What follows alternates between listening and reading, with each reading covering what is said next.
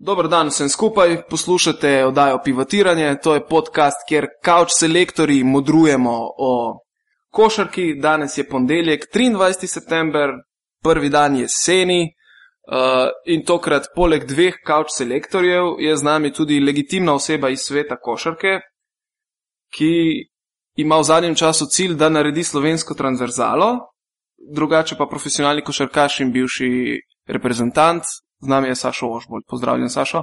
Zdrav, ne pozdrav. Sašo, kako je kaj? Zdaj si v Portorožu, ne? Ja, ja, zdaj sem pisal se enoletno pogodbo, tako da zdaj sem tukaj. Ja.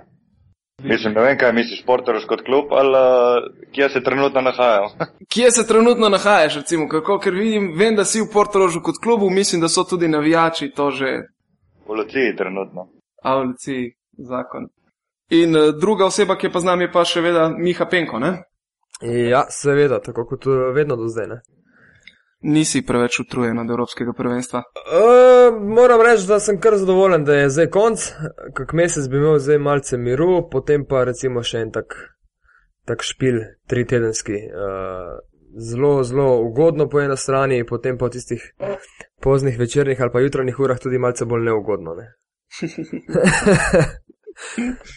Jaz slišal sem, da je bilo precej divje, zdaj zadnje dni na koncu, ko se je Evropsko prvenstvo končalo, ampak pustimo to, glavna tema je se pravi, Evropsko prvenstvo se je končalo. Uh, zmagovalec je, lahko se verjetno s tem malo popaljimo, da nas je v četrt finalu izločil prvak.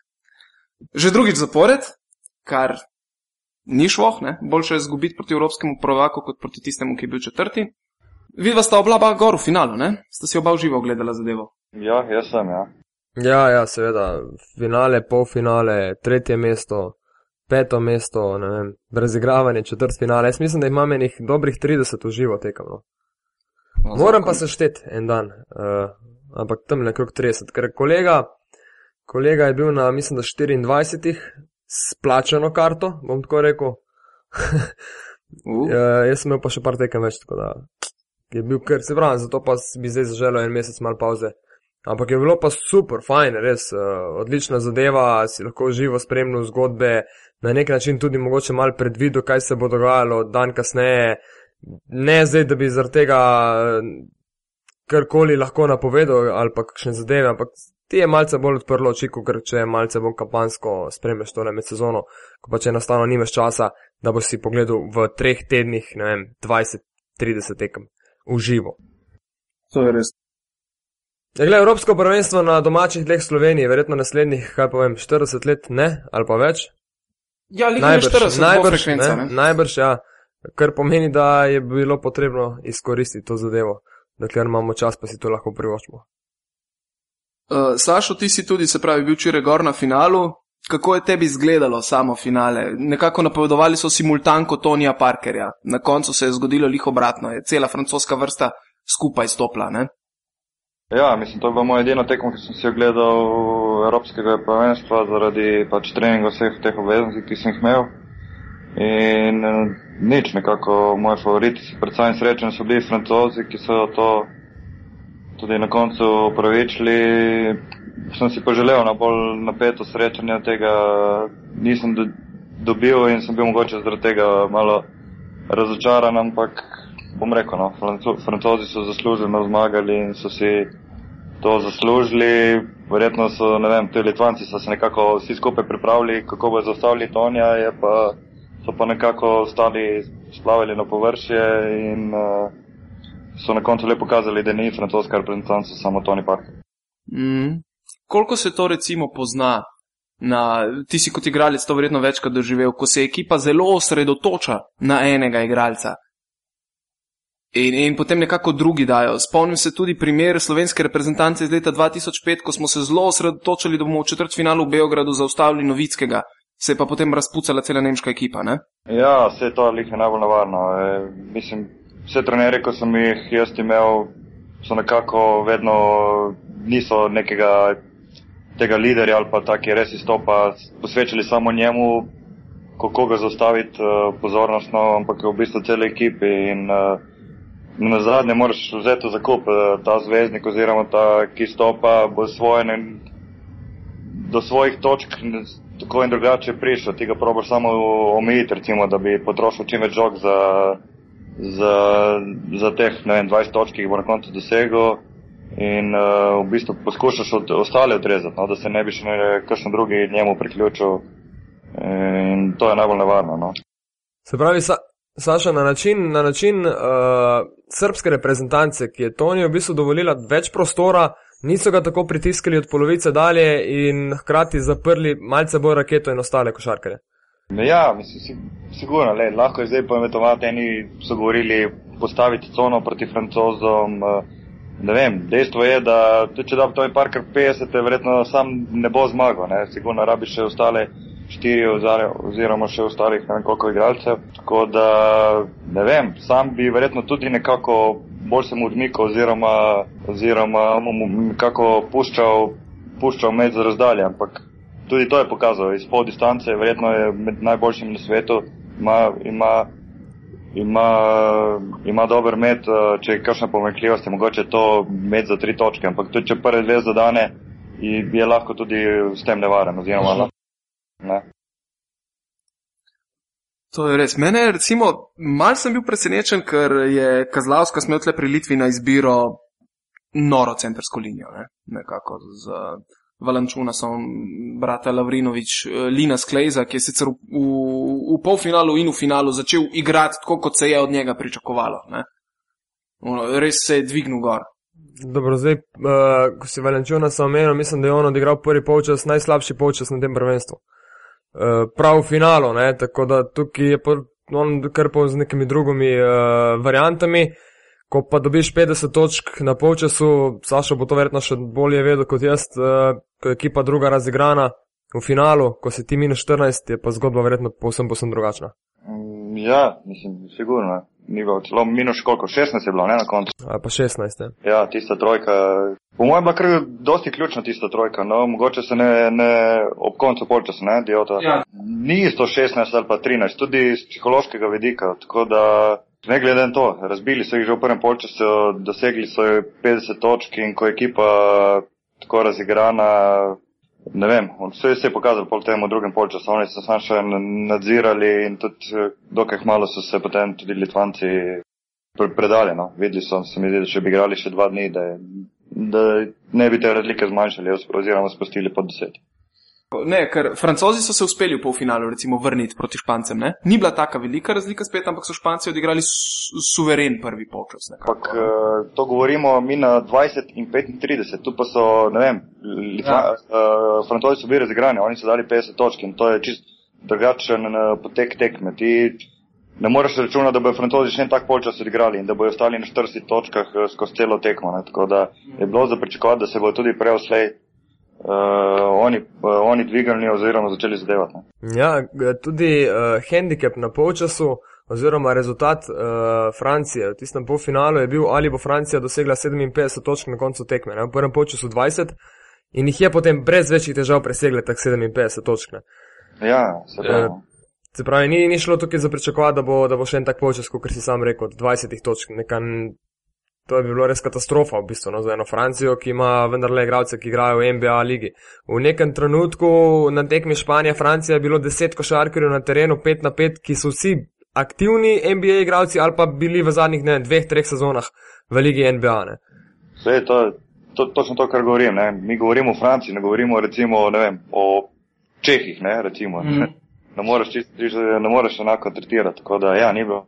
Meni, meni se je uh, zdela zelo posrečena tudi izjava po koncu tekme Parkerja, ki je bil zelo umirjen in omenil samo, to so izkušnje. Ne? To tekmo po Sloveniji, govorim po četrtfinalu, to tekmo so zdaj dobili izkušnje. Ni bila to tekma lepa na oko, neka fizična, težka, naporna tekma s številnimi zgrešenimi meti, ampak Parker je takšnih tekem v Ligi NBA odigral verjetno preko 100, ne, ne dve, ampak preko 100, če gledamo četrtfinale, polfinale, finale Lige NBA, igra se na sedem dobljenih, ne vem, vse te finala uh, oziroma na, na štiri dobljene, sedem tekem, uh, plus z reprezentanco. In najbrž je ta zadeva potem pride do izraza v takšnih tekmah. Ker ta Francija je pokazala, da lahko zgubi, ne, ne na zadnje dva dni prej s Srbijo in, in še prej v, v skupinskem delu. Ja, mislim, posebej se strinjam s tabo.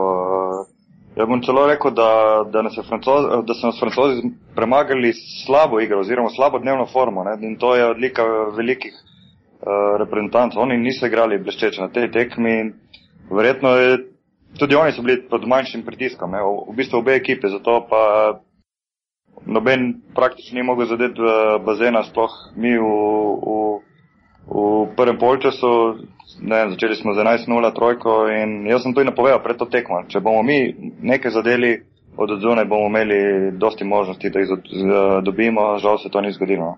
Eno, eno direktno vprašanje ali pa izziv. Je bila Francija najslabši, najtežji možen nasprotnik za Slovenijo, ne glede na to, da zdaj poznamo rezultat? Ma, težko govorim, po mojem, Francija ali Španija je tu nekje. No. Mislim, da so to dve naj, najtežji reprezentanci oziroma najkvalitetnejši na prvenstvu. Tle bi jaz rad razčistil ene par stvari, ki sem jih zdaj zasledil v dneh, potem, ko smo zgubili tekmo s francozi in na Twitterju in na internetu. Recimo, naslednji dan, ko smo igrali s Srbijo, se pravi 14 ur potem, je, je, in nam je takoj stekel med za tri točke, so si začeli, joj, če bi nam včeraj tako laufalo. Ne? Ja, ampak nam ni in ne gre za to, da nam ni, gre tudi za to, da so nam francozi malo onemogočili zadevo. Potem vsi pravijo, ja, pa sej smo bili lih isto odprti, kot smo bili na tekmi s Srbijo. Ja, sem bila tekma Srbije, bila, če me vprašaš, čisto ena druga zadeva. E, obramba Srbije je bila drugačna, žoga je čisto drugače krožila kot proti Franciji. Proti Franciji se je videlo, da je, ne vem, igra izjemno fizična. Mene njihova obramba celo mal, ne po takem presingu, ampak mal me spominja po fiziki, recimo na to, kar je v klubskem nivoju včasih predstavljal Makabi. Ena izjemno močna zadeva. In ti, Sašo, recimo, veš, ne vem, kako zgleda, ko se po eni taki borbi, ko moraš dva, tri izjemne šprinte narediti v napadu, da se končno dokoplješ do bloka, kjer dobiš žogo za trico. Kako je potem takrat vrš to trojko? Se hitro zgodi, da verjetno odpadajo mimo še vedno, ne? da ne, ne zadaneš bazena. Ja, sigurno, le, sama košarka se je spremenila. Nekateri govorijo, da so dosti večji procenti bili, ne vem, 20-30 let nazaj, sigurno, ampak uh, to se je toliko spremenilo, da ti moraš, ne vem, praktično cel napad garat, napadalec, uh, ne vem, da se reši svojega, otresa svojega obramnega igralca in na koncu moraš uh, še zadeti. V bistvu moraš ti cel napad garat, da sploh priješ do meta in potem še to nekako pointira. Tu se pa vidi, kdo je klas oziroma vrhunski igralec od tistih poprečnih ali pa podpoprečnih. No. Je pa res, no, če ti začneš eh, s uspešnim ali pa dvema uspešnima metoma, je samo zavest čisto drugačna in verjetno bo zadevo, je večja možnost, da boš potem nadaljeval v dobrem. Uh, z dobrim procentom. No. Slovenija je ravno to zgodila. Mi smo začeli 11-0 trojka in nekako se nismo mogli povrati. Zdaj, uh, Sašo, ti si bil eden izmed takih košarkarjev. Ne? Če jaz tako malce lajčno, uh, kot spremljam košarko strani, recimo, če si zadev tisti prvi met, se mi zdi, da smo mi na hitro že lahko stave pobirali, da bo šlo preko 20, 20 tiče v točkah. Ja, 20, ne vem, če ampak ja, je, mislim, če sem zadev prvi met, dva, mi je bilo dosti lažje. No? In, uh, se sprostiš in ne vem, če me pa nekako na začetku ni šlo, nisem potem niti, uh, niti nekako forsiral, ampak se potem res zanašal pijan na tiste res nekako ponoči zicer ali pa res tiste odprte mete, nisem nekako potem, ne vem, enostavno zgubiš, nimaš več tiste sigurnosti osebe, da boš pretekel ven iz blokade in jo sproščeno vrgo, no? tako da mi je sigurno res pomagalo, no? če sem prvi dva ali pa prvi met zadevno. Uh, ja, skok proti Franciji smo tudi vsi opozarjali, v bistvu že pretekmo, da bo izrazitega pomena ob koncu. Zelo verjetno, ne, tukaj so francozi bili malce bliže, kot smo si na nek način upali pretekmo. Še celo boljši so bili kot, kot slovenska reprezentanca. Francija je načeloma tekme, kjer je izgubila na skok, imela velike težave. Srbi so jih nadskakali, mislim, da za okrog 14-15 skokov. Jaz bi rekel, da je to bil en kar ključen uh, podatek oziroma kar bi lahko odločil tekmo. Mi, če nimamo skoka, uh, nimamo kot, kontre in mi, ko nimamo kontre, nimamo niti igre. Mi na postavljen pad nismo tako superiorni kot uh, ko recimo na kontro oziroma ko divjamo. Nam ustreža hitra igra, nekako divjanje in, uh, in ko so recimo francozi poskakali, oziroma imeli še drugo, drugo, druge, druge skoke, recimo, ko sem vzel skok napadov, mm. se nekako tudi trudiš, moraš dvakrat igrati v obrambi in uh, se pravi, nismo razvili svoje igre. Ne? In uh, to se vidi še posebej v zadnji četrtini. uh, ko smo igrali na postavljeno obrambo in se nekako nismo zna, uh, znašli. Začeli so nam potem še prevzemati in to je bil mogoče nekakšno presenečenje za našo reprezentanco, ko je potem nekako izpadlo, da Gog igra uh, ena na ena, ampak v bistvu ni bilo rešitev. On verjetno si ni tako želel igrati, ampak na koncu je tako izpadlo. Ja, seveda, se je čisto drugače zgleda, ker največ očitkov se mi zdi, da je padalo pol lih na Gogija, ne? odigral si samostojno zadnjo četrtino, ne? ena na pet. Ja, zadnje tri minute je v bistvu on parkrat zaključil, ampak vprašanje je, ne vem, zdaj, če so se mu tudi pravočasno odkrili ostali fanti, ne? sigurno ni mislil nič slabega. Zdaj, eh, pri Gogiju je pa tudi v obrambi kriv eh, Tonija Parkerja, ne? dober del tekme. Tako da verjetno tukaj je neka izguba energije. Eh, zdaj, Joksimoviča oba dobro poznata in verjetno smo vsi ali pa so vsi pričakovali, da bo Joksa morda celo začel na, na Parkerju na začetku tekme par minut to zadevo malce skušal pritisniti. Uh, res je, zdaj smo lahko pametni po tekmi, ampak glede na to, da se je to izkazalo kot dober recept na prejšnjih tekmah, bi tudi tu le veljalo najbrž s kakšno takšno zadevo. Ja, sam po drugi strani pa le, v prvem polčasu smo imeli igro, mislim igro, imeli smo rezultat. Ne? In v prvem polčasu tudi ni praktično niti prišel Joksa noter v igro. Ne? Tako da mislim, da se je nekako Boža zanašal še naprej na, na taktiko iz prvega polčasa, da nam bo uspelo zlomiti. Ko smo bili blizu, ne? v tretji četrtini smo potem izgubili kontakt z njimi. Ne?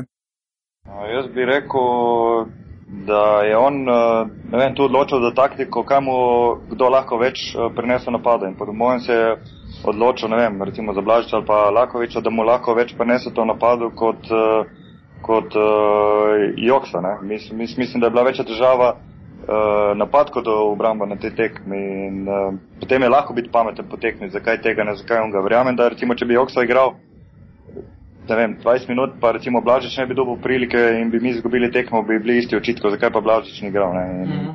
Lahko biti pameten ne, po, po bitki. Ne, tako da jaz verjamem, da jaz mislim, da je on tu razmišljal, kaj, kdo mu lahko več prenese v napadu. Kaj pa naša centrska linija, uh, Begič je končal tekmo z ničlo, Gašporina z dvema točkama. Francozi uh, so močni pod košem, ampak bistveno bolj močni bi še bili, če bi imeli Turjafa, Noa, manjka pa tudi Serafan. Ja, jaz mislim, da so bili centri te, tokom tega prvenstva premalo izkoriščeni. Sploh Begič, ki ima res dobro tehniko, Ampak vse so probali, ne, proti, sploh proti francozom na začetku tekme, samo spustili 3-4 žoge in so je potem te zice nesrečno zgrešil in potem so nekako, po mojem, ali on samo obup ali pa tudi uh, mi, te reprezentante, mu nekako več nismo spustili žoge dol. Verjetno bi bilo čisto drugače, če bi on, ne vem, dva tam zicerja zadev, bi, bi bili dosti bolj raznoliko napadov, ne bi se zanašali sam uh, na meti iz zone oziroma na zanane igralce. Ja, pet zgrešenih metrov, imel pet nič uh, direktno. In, in, in, in vse so se gor nekako kotalile. Ne?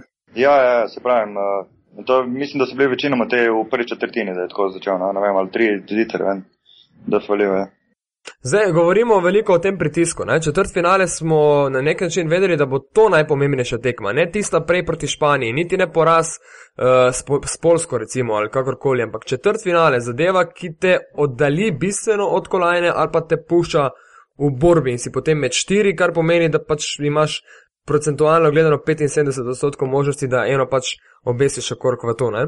Ja, dve zaključni žogi za kolajno. Tako, recimo. Uh, je ta pritisk povezan tudi s tem, da so naši bili v svojem hotelu izolirani proč od ostalih reprezentanc, ker vseh ostalih 11 je bilo nastanjeni v enem hotelu. Kaj zdaj to pomeni, če smo mi, če so nekoga izolirali proč od ostalih? Se čuti to kot večji, kot pravim, pritisk na plečih? Jaz bi rekel, da ne, da to nima nobenega vpliva. No, no, ne Mogoče, če začneš o tem razmišljati, ja, ampak mislim, da to ni imelo nobenega vpliva na, na to tekmo, oziroma da bi zaradi tega, ker so bili izolirani oziroma svojim hotela, da bi bil, da bi bil večji pritisk na našo reprezentanco. Tako da mislim, da ne. No. No, mislim, bolj me je to zanimalo zaradi tega druženja, ker predvidevam, da če 11 reprezentantov v istem hotelu se tudi prije do nekih ne vem, skupnih točk, skupnih elementov druženja uh, v posameznih nadstropjih. Predvidevam, ti si bil na prvenstvih, ti lahko to malo bolj poveš.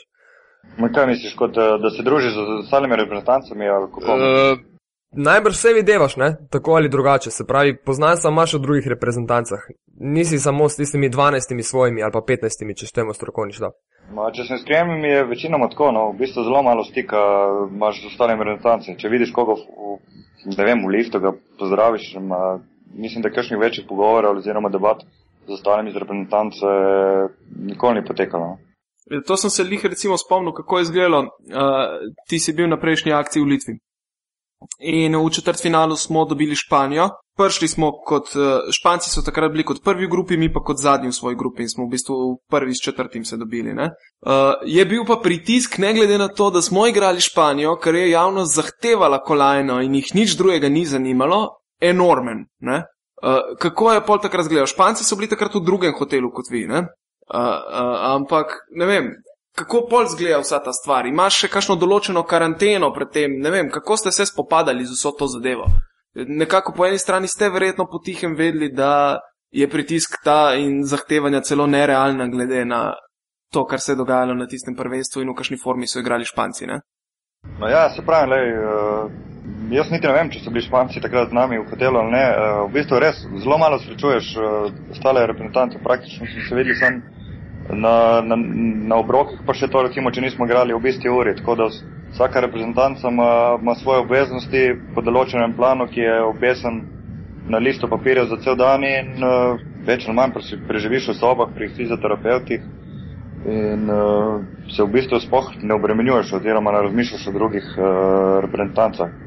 Ampak, uh, ne vem, glede te same tekme uh, četrtfinalne v, v Litvi, uh, tako, ne vem, vedeli smo, ne vem, da sigurno nismo igrali dobro s tokom celega prvenstva in da, da tudi niti ostali verjetno so izgubili nekako upanje v, v nas oziroma da verjamejo v nas za kakšno veliko presenečenje, tako da ne vem, smo bili mi v bistvu nekako bolj sproščeni, smo šli v to srečanje, ampak na koncu se je izkazala njihova kvaliteta, res so bili dominantni in to so pokazali tudi potem zl, uh, dokazali zlato medaljo. Tako da mi smo sicer probali presenetiti, nekako v prvi četrtini smo še bili nekje tu blizu, potem pa je sledil razpad sistema. Ja, spon, začeli smo s kontrom Muriča, ne? zabijanje za 2-0. Dobro, če jaz potegnem črto uh, pod recimo to temo, ki sem jo odprl, je bilo sinočnje druženje francoske reprezentance in deloma tudi španskih košarkarjev uh, zuna, ob spoznavanju zunanjega sveta naše prečudovite ljubljene zgolj na ključe. Ne? ne, to je slavje, to je slavje po uh, kolajni. Ne? Ja, ne vem, jaz nimam teh podatkov. Tako da ne vem, kdo se je skom zabaval. Um, kakšno večje negativno presenečenje na tem prvenstvu? Jaz, jaz in Tibor bomo imela ene dve, no najbrž, zdaj pa še ti. Misliš, eh, glede reprezentantov vseh? Reprezentant, sodnikov, igralcev, karkoli. Uh, ja, strinjam se bom sigurno, da je to Rusija in uh, Turčija. Mogoče bi se še kdo najdel, ampak dobro, Rusi niti ne toliko, ker so res prišli v krni zasedbi, dosti igralcev se mi je poškodovalo. Dosti selektorjev so zamenjali pred, tik pred zdajci, ne? to da, mislim, sigurno Turki so zame največje razočarane, ampak zame je zanimivo prvenstvo in pokazalo se je, no, da z razširitvijo teh eh, na, na 24 reprezentantov ni več slabih reprezentantov. Če ti ne igraš na 100%, boš lahko dobil ponos od vsake reprezentance. Uh, v bistvu zdaj že vsi igrajo reprezentantov, vsi imajo američanov v ekipi, ki jih lahko sam uh, pripelje do zmage, tako da če ti nisi tisti, na tisti tekmi to pravi, se lahko hitro upečeš in to se je na tem prvenstvu pokazalo, ne vem koliko. Ja, se so Grki verjetno lik zaradi tekme s Finsko potem tudi šli domov kasneje, ne? Ja, aha. Ne vem, Miha, ti si hotel še koga izpostaviti? Mm, ne, sej, mislim, Rusija in splošno zadnje štiri reprezentance tega prvenstva so Makedonija, Izrael, Rusija, Polska. Uh, Verjetno ne bi nihče pričakoval, da bodo Poljaki pristali na tem mestu. Tudi Rusine, pa tudi Izraelci, Makedonci, konc koncu, in Makedonci, ne, ki so pa bili verjetno bolj kot ne najbolj, naj, najtežji in najbolj zanačeni eh, skupini ravno v, v jesenicah. In ne glede na to, da so izpadli, če me vprašaš, niso slabo igrali. Ne? Oni so bili dvakrat, morda, kot smo že razpravljali, neopravičeno oškodovani. Vsaj enkrat, ne, in ta zadeva bi verjetno kar močno spremenila potek celotnega srečanja. Ampak zdaj je že jasno, da si vsaj tekmovalnega vidika stopnice za svetovno prvenstvo torej niso preigrale reprezentance Rusije, Turčije, um, ne na zadnje tudi Grčije, Italija, ne, in, Grčija. in pa Italija na zadnje. Uh, Ja. Italijani po super štartu, Sašo, kaj po tem nadaljevanju? Dejansko niso imeli te kvalitete v drugem delu prvenstva. Ma, ne vem, ne, mor, ne morem povedati. Po mojem so jih nekako tudi prečitali. Mislim, vse smo si vedeli, no, kakšna je njihova igra. Praktično pod, eh, pod samim košem nima igre, ima pa zelo močno zunanjo lin- linijo oziroma te 3-4 šutere, ki lahko vsak da, ne vem, petrojk na tekmo. Tako da so jih nekako prečitali in ne vem, se je zgodil prvi poraz, drugi poraz in nekako tudi samozavest uh, padla dol in uh, ne vem, sam še padali so iz tekme v tekmo in na koncu končali na tem, lahko rečem, nehvaležno 8 mesto, ki ne prenaša nič. So pa zato Ukrajinci tisti, ki se bodo toliko bolj veselili ne, in svetovnega prvenstva in potem še domačega evropskega prvenstva, ker je cilj v bistvu uh, njihove najviše, največjega uspeha oziroma točke. Ja, sem vesel za njih in uh, ravno zato, tega, ker jim mnogi strokovnjaki, so jih, ono govori, pocenjujoče od njih, da jih tudi res nismo imeli, tudi sploh še takrat v, v skupini, ko so bili v Ljubljani, tako da so zame lepo presenečenje. Malo mi je bilo žal tudi za, Lit, za Latvijo, no, da se ni uvrstila uh, potem tam naprej med osem, ker so po meni igrali zelo všečno košarko. Gremo naprej na, na Hrvaško, četrto vrščeno reprezentanco z tega prvenstva. Uh, verjetno kot Italija na osmo, tudi Hrvati na četrtem, ne tisti osmoljenci, zaključne zadnje tekme na tem prvenstvu. Uh, ti si z, kar nekim temi hrvaškimi košarkarji igral, ne? Si bil kaj v stiku z njimi, oziroma uh, si pričakoval, da se bodo tako dvignili po tisti zmagi Slovenijo? Jaz mislim, da noben ni tega pričakoval. mogoče, mogoče tudi sami ne.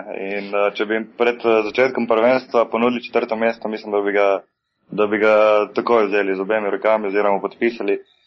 Tako da tudi bi rekel, če sem iskren, mislim, da ni realno, da so na tem uh, četrtem mestu. Dosti stvari se mi je poklopil sploh v teh uh, zadnjih sekundah in da vem.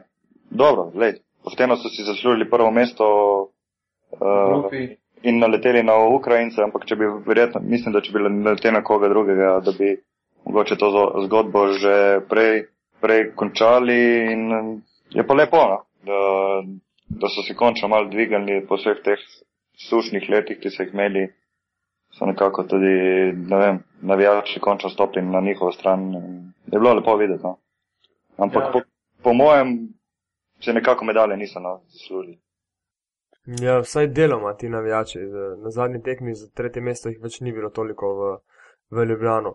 Uh, Žorič je odigral določene tekme zelo solidno, določene tekme pa v bistvu porazno slabo. Je on kaliber za Fenerbahče in potem takem za naslov z Obradovičem Eurolige? A ja, zdaj smo že kar pri naslovu. Final Four, dobro, gremo na Final Four. Ej, če te željko zame, potem že nekaj, uh, nekaj vidi tebe, v tebi in oziroma za njegov sistem. Uh, jaz mislim, da ga bo že ukomponiral njegov sistem, ki mu bo ugajal. Ne vem, ne nazadnje tudi Sato, ko je šel stran iz uh, Panathinaikosa, nima več take sezone in vsi ostali. Tako da, lej, Željko igra šah, uh, košarko oziroma šah in uh, jaz verjamem, da bo vse te igralce, ki jih je pripeljal, znal komponirati uh, v njegov sistem in bojo funkcionirali. Tudi Klejzo in Bjelico, ki sta praktično na zelo podobnem ali pa istem položaju. Ja, Bielico bo po mojem dal kar na trojko tukaj, dvojno da bo imel tri take vrhunske štirice. No. Z 2-9. 2-9. Ja, se je veliko igral že Bielica na trojki, ne? V Crveni zvezdi nekaj časa je igral celo playmakerja, tako da. Ja, pleja, ja. Po mojem, da bo znal, no, lej. če, če on ne bo znal, ne vem, kdo bi znal. Uh, se ti strinjaš s prvo peterko, ki je bila zbrana na tem prvenstvu, si ima kakšnega svojega košarkarja, ki bi ga uvrstil? Tony Parker, Goran Dragič, uh, Kleza Gasol in. in? Bogdanovič. Bogdanovič, hvala. Uh, ja, le, ravno pred tem izborom smo se tam s prijatelji na tribuni menili, ne vem, in smo nekako kar zadeli, no, v bistvu. Mogoče bi si zaslužil tale play od Litve, no, ki ima res dobro. Ja. Ti si ja, po statičnih podatkih bi si sigurno to Uh, Dobro, tukaj je šlo verjetno tudi že malce na imene. sigurno, sigurno. Ne. In, uh, tako da, da, ja, v bistvu dokaj pričakovano, čeprav bi se marsikdo zaslužil. In za me je bilo tudi dosti odkrito tega prvenstva. Jaz za tega gladirja sploh nisem vedel in je za me vrhunski igralec. Ja, se jaz tudi ne. Zdaj Serhi ima nekaj izkušenj tudi iz španske lige že eh, iz preteklih sezon. Jaz mislim, da je bilo še največje vprašanje okrog štirice eh, v tej lepeterki. Da je nek, nek način Marga Sol bil superioren, da je Tony Parker na enici bil prvi izbor večine. Bogdanovič je eh, tudi ki so nekako bil logična Bogdanovič je izbira, bil do ne? zadnjega trenutka med najboljšimi strelci in na koncu pristal na drugem mestu. Se mi tudi zdaj, sploh kad so Hrvati prišli do četrtega mesta. Eh, Za Dragiča smo pa mi tiho upali nekako. Za zdi, Dragiča ne? smo mogoče upali, pa verjetno se je tudi zaslužil. Se je razen vem, ene tekme ali pa dveh tekem ni, ni bistveno pešal v.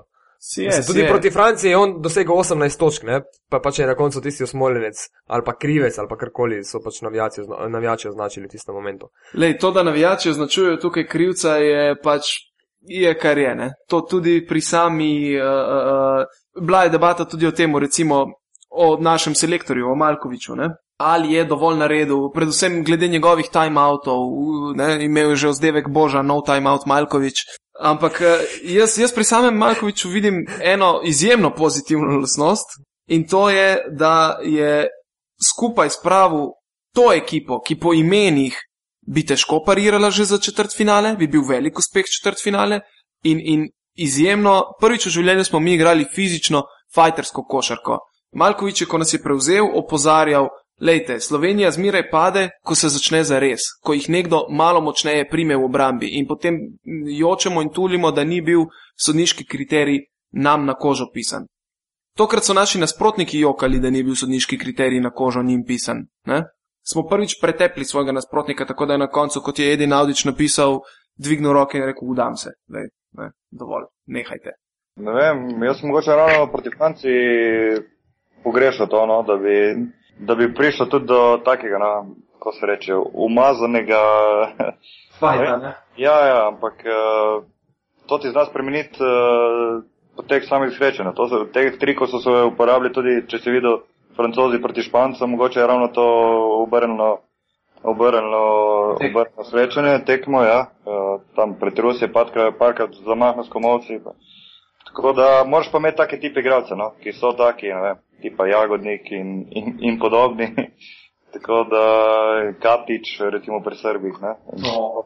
Jaz pa je- te, te reprezentanci pa ne vidim takega, ki je, ki je zaumazano dela, no, ki zna, ki zna s tem, no, upravljati. Ne. Ja, jaz se spomnim, kako ti je Balažič zrukal komovc ven na tekmi državnega prvenstva. No? Tako da, recimo, on je eden takih igralcev, se mi zdi. Ni, ni mislo tako. Jaz mislim bolj na take udarce, ko, ko jih niti sodniki ne vidijo, no. Ne vem.